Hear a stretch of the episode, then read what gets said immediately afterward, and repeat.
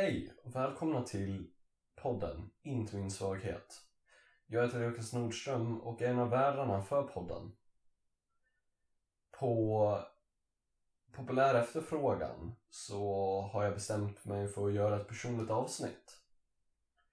Det här personliga avsnittet kommer att vara en berättelse om mig och hur jag har upplevt och eh, hur jag har hanterat mina diagnoser eh, och vad de har gjort för och emot mig.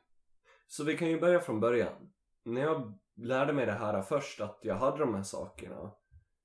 Jag var ju liksom sådär strulig i skolan, det var problem och så. Och så trodde de så att jag kanske hade någonting. Så jag fick ju komma till ett ställe och så gjorde de lite tester på mig och så. Och så drog de några slutsatser.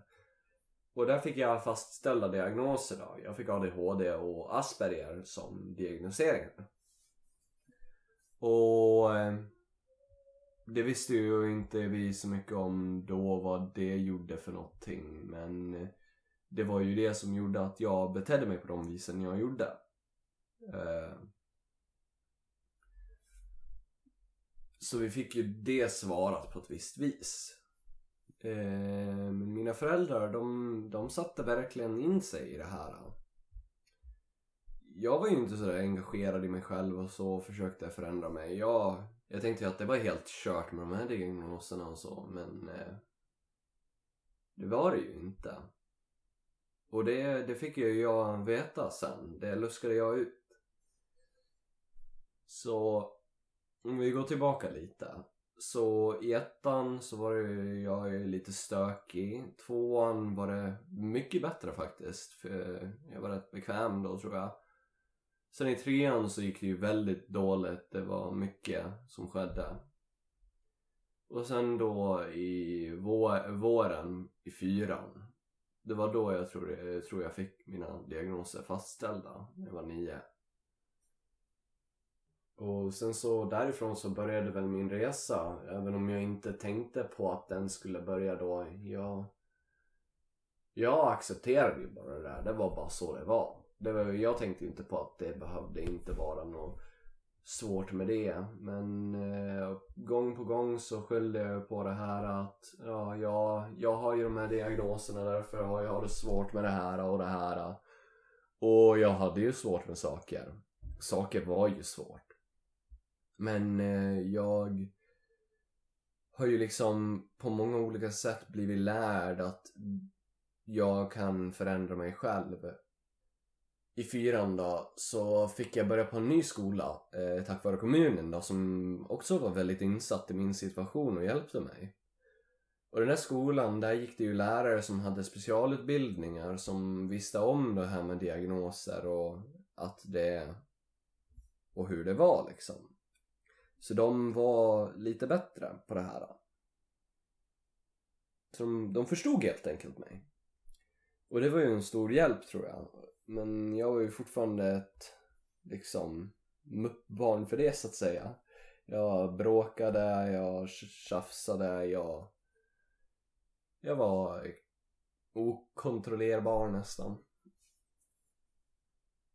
Och eh, så när jag började där i fyran så var jag ju mycket för mig själv. Jag gjorde lite arbete och så. Och sen så hängde jag med min assistent. Och så allt eftersom så skolades jag in där i, på den där skolan. Och till slut så fick jag ju börja på, eh, börja fyran där. Eh, precis som normalt då. Och eh, sen så började det ju. Sen så första året kommer jag väl inte ihåg så mycket av. Jag tror inte... Jag, jag hade mycket krångel där och jag tror... tror jag helt enkelt inte lärde mig så mycket. Femman så växte jag väl lite och så. Jag... Men jag, jag fortsatte att ha problem. Men det var inte förrän i typ eh, ska, ska man säga, typ sexan då jag började förändra mig. Det var då jag började se lite annorlunda, det var där, då jag började få mer kontroll på mig själv. Det var där det verkligen började märkas. Och sen så gick ju det där vidare. I nin, åttan tror jag, där var jag liksom, där var jag en annan person från när jag började där, fyra år senare. Eller fyra år tidigare när jag började där, så säger man. Och jag jag hade ju hittat på alla möjliga former av strategier till att hjälpa mig själv och inte göra dumma saker helt enkelt. Inte låta min ADHD eh, liksom utåtagerande eh, natur att ta över och invadera mig. Och sen så hade vi hade jag hittat på sätt att hantera med min Asperger. Jag hade även lärt mig att prata bättre med folk och så tack vare att jag fick ju en ledsagare som eh, jag hängde mycket med. Uh, jag är fortfarande vän med honom än. Uh, och han hjälpte ju mig mycket med sociala situationer och bli bättre på dem. Och tack vare det så har jag ju väldigt lätt för sociala situationer i jämförelse med hur jag hade då. Jag var liksom skygg och höll mig undan, eh, ville inte vara bland folk. Nu har jag inte så något svårt alls att prata med folk. Jag, jag gillar gärna att prata med folk nu för tiden faktiskt. Det är någonting som intresserar mig.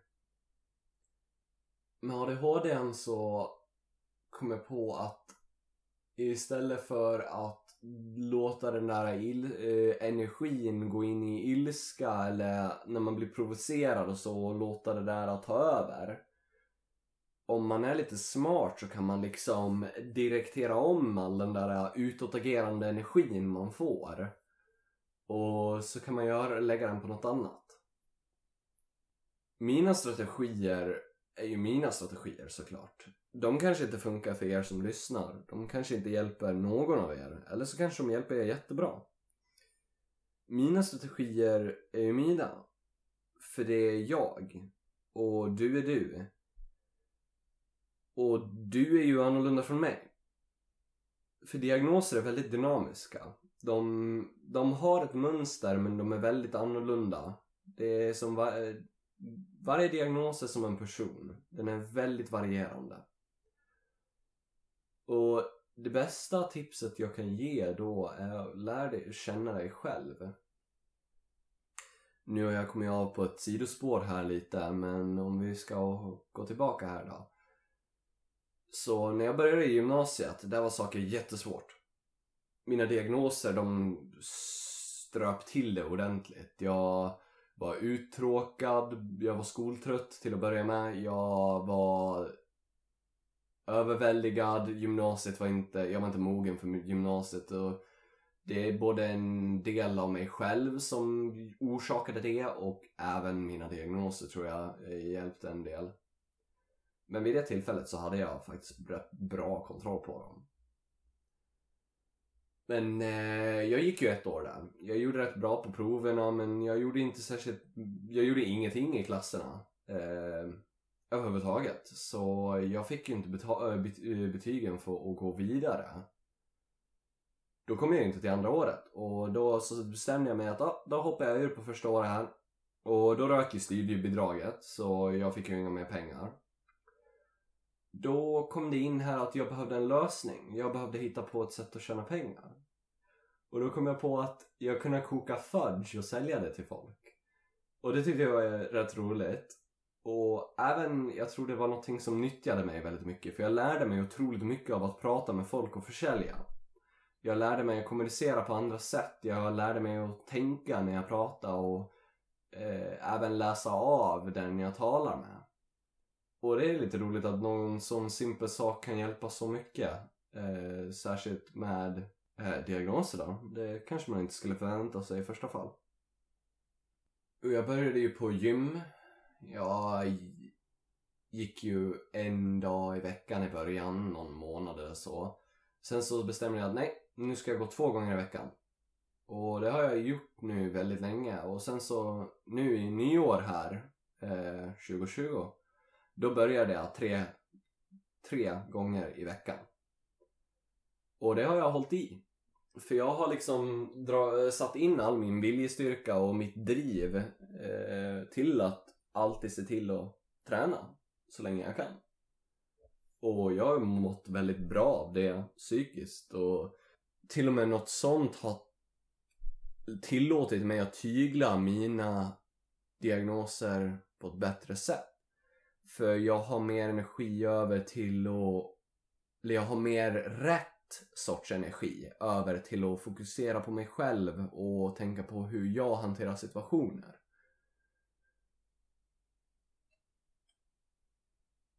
Jag tänkte jag ska ta upp lite om normer kanske. För de var ju jag lite utsatta för. Inte så mycket som vissa andra kanske, men jag tänkte att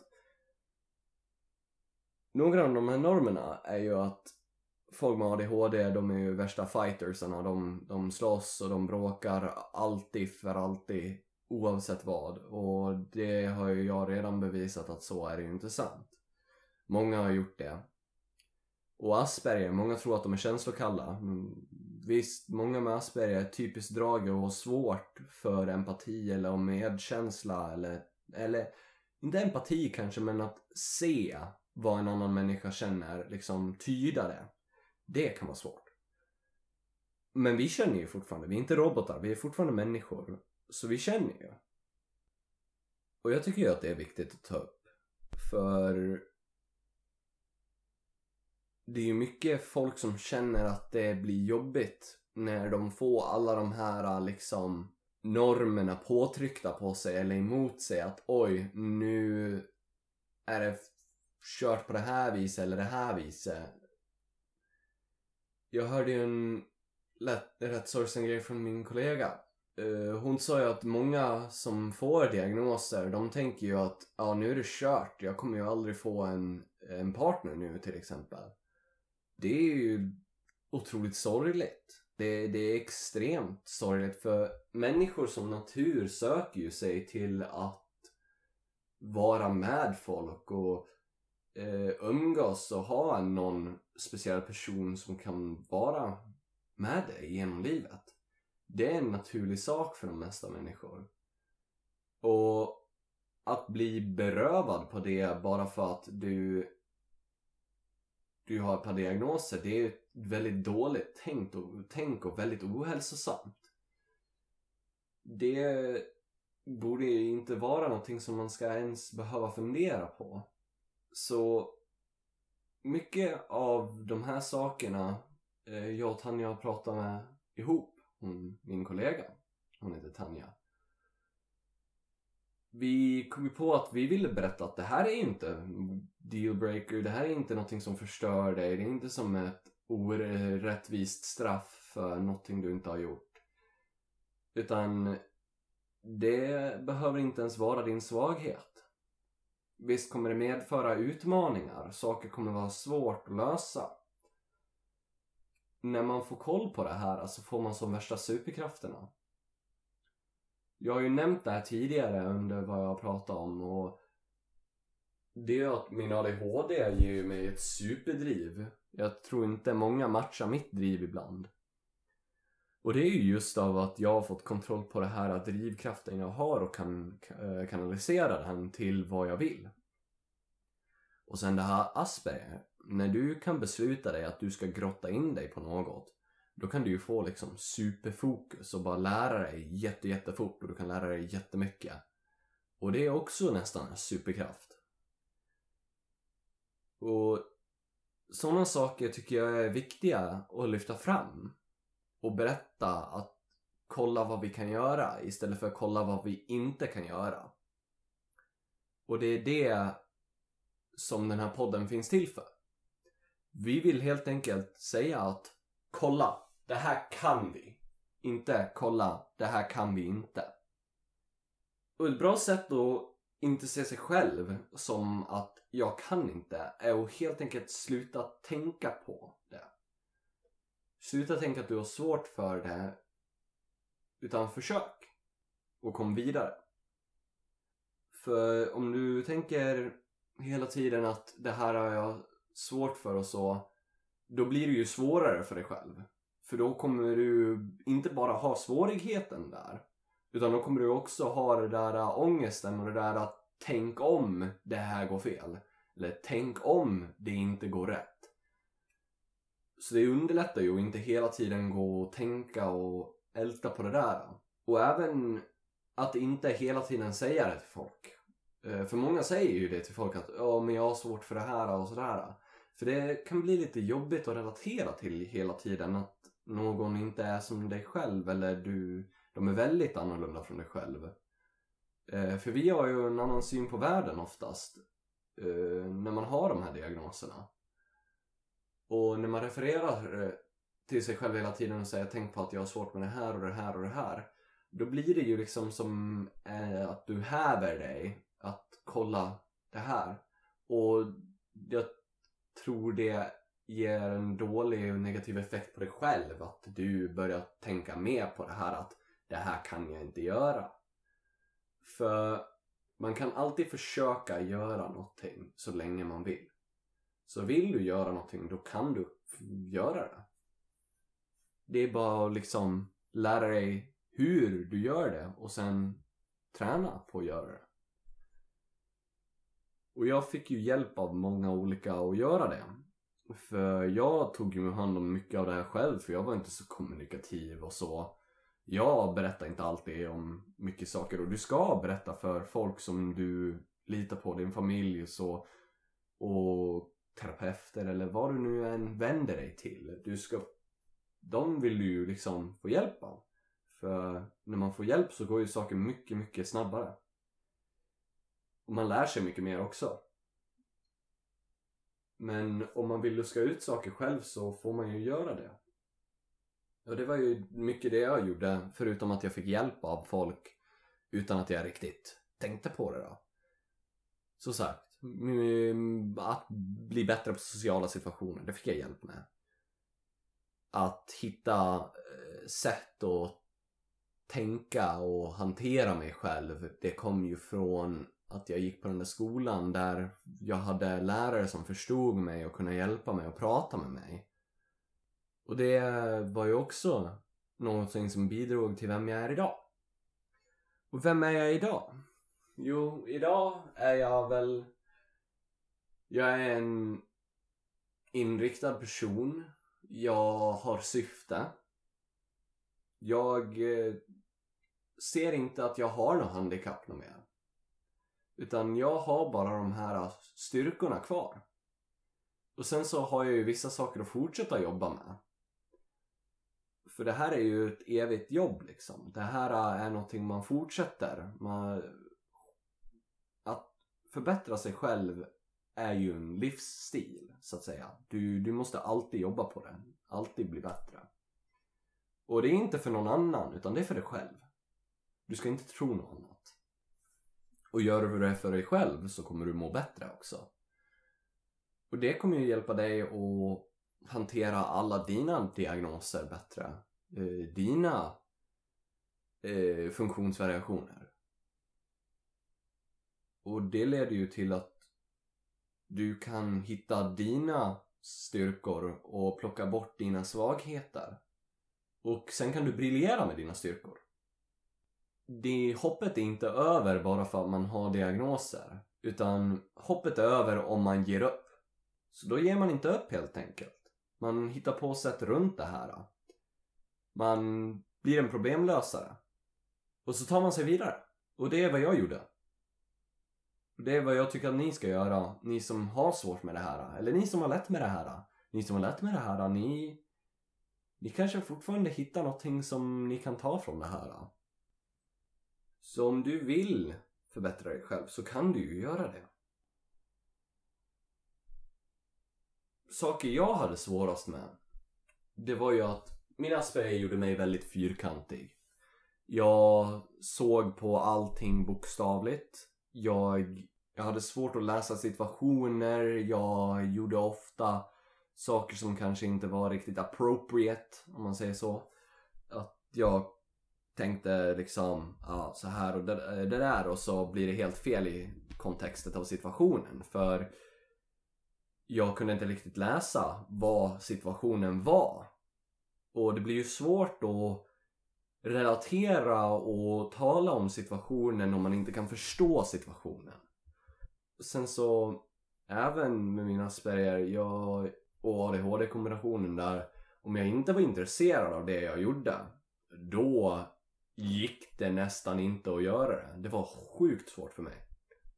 Det var en riktig utmaning att ens klara de enklaste sakerna om jag skulle liksom bara göra en simpel mattelektion och jag tyckte att det var tråkigt. Jag tycker ju att matte är tråkigt. Det är inte supersvårt men det är riktigt, riktigt, riktigt, riktigt, riktigt tråkigt. Och det gjorde det i sin tur otroligt svårt för mig. ADHD gjorde ju mig liksom uh, under sin gång Eh, så var den ju stökig. Jag rykte ihop med mina föräldrar, bråkade på dem. Eh, jag rykte ihop med klasskamrater, bråkade med dem. Eh, jag kunde inte sitta still, irriterade lärare. Jag höll på att göra ljud. Och då med ljud menar jag att jag typ klappar på bordet, stampar runt eller håller på gungar på stolen. Och det störde ju alla. Och det fick jag mycket skit för. Och sen så även den här hyperaktiviteten att jag hade så mycket energi så jag kunde inte ta väg med allting. Det gjorde det svårare, ännu svårare liksom att lugna ner sig ibland. Eh, det var som liksom när man väl började få ur den där energin då bara kom den och kom den och kom den och kom den. Den bara fortsatte. Eh, så det var otroligt svårt att liksom chilla ner och ta sig ur det här typ när jag gick igång och vart aggressiv och arg och så då kunde det gå på ett tag bara för att det, det bara kom den här drivkraften till att fortsätta och älta det här. Och nu har jag ju liksom med hjälp av andra och mig själv och med tid och spendera med mig själv så har jag ju lärt mig att jag kan plocka bort de här grejerna och lära mig de här grejerna och göra upp för dem. Och jag har även nu förstått jag kan göra mycket mer med de här äh, positivt nu. För jag har lärt mig att göra det. Jag tycker att ni ska också lära känna er själva och att ni ska få bättre tips och bättre vyer på allting när det gäller funktionsvariation. Och det är därför jag skapade den här podden ihop med Tanja. För vi vill lyfta fram just funktionsvariationer och visa andra gästers perspektiv och så på hur det inte behöver vara din svaghet. Och genom att lyfta fram de här personerna då, som har tagit sig igenom de här funktionsvariationerna och svårigheterna så hoppas jag att mm, jag kan ge perspektiv till er som lyssnar och förbättra saker för er i era tankeställningar och hur ni ser på saker. Det är målet med det här. Så vi kommer ha en massa intressanta gäster som ni kan ta saker ifrån och lära er av också. Och det är ju det vi vill. Vi vill ju inspirera och berätta att bara för att man har en funktionsvariation så är inte livet över. Eh, det behöver inte bara vara svårigheter eller negativa saker med det. Det kan finnas något positivt. Det, det finns alltid ett sätt att vända det till en ljus sida. Och det är det vi vill liksom hjälpa till och inspirera genom att ha gäster och personliga avsnitt och sätt där vi pratar om hur man kan se, tänka på världen från när man har en funktionsvariation. Och det är det vi vill påvisa med det här helt enkelt. Att bara för att en, du har en funktionsvariation så är inte allting över. Du kan alltid göra något positivt av det eller få bort det eller liksom göra någonting av det. För det går alltid. Det är jag säker på och det är det jag vill visa. Tack för att ni lyssnade på mitt personliga avsnitt. Ta hand om er och era nära och kära i dessa tider. Och så syns vi nästa gång.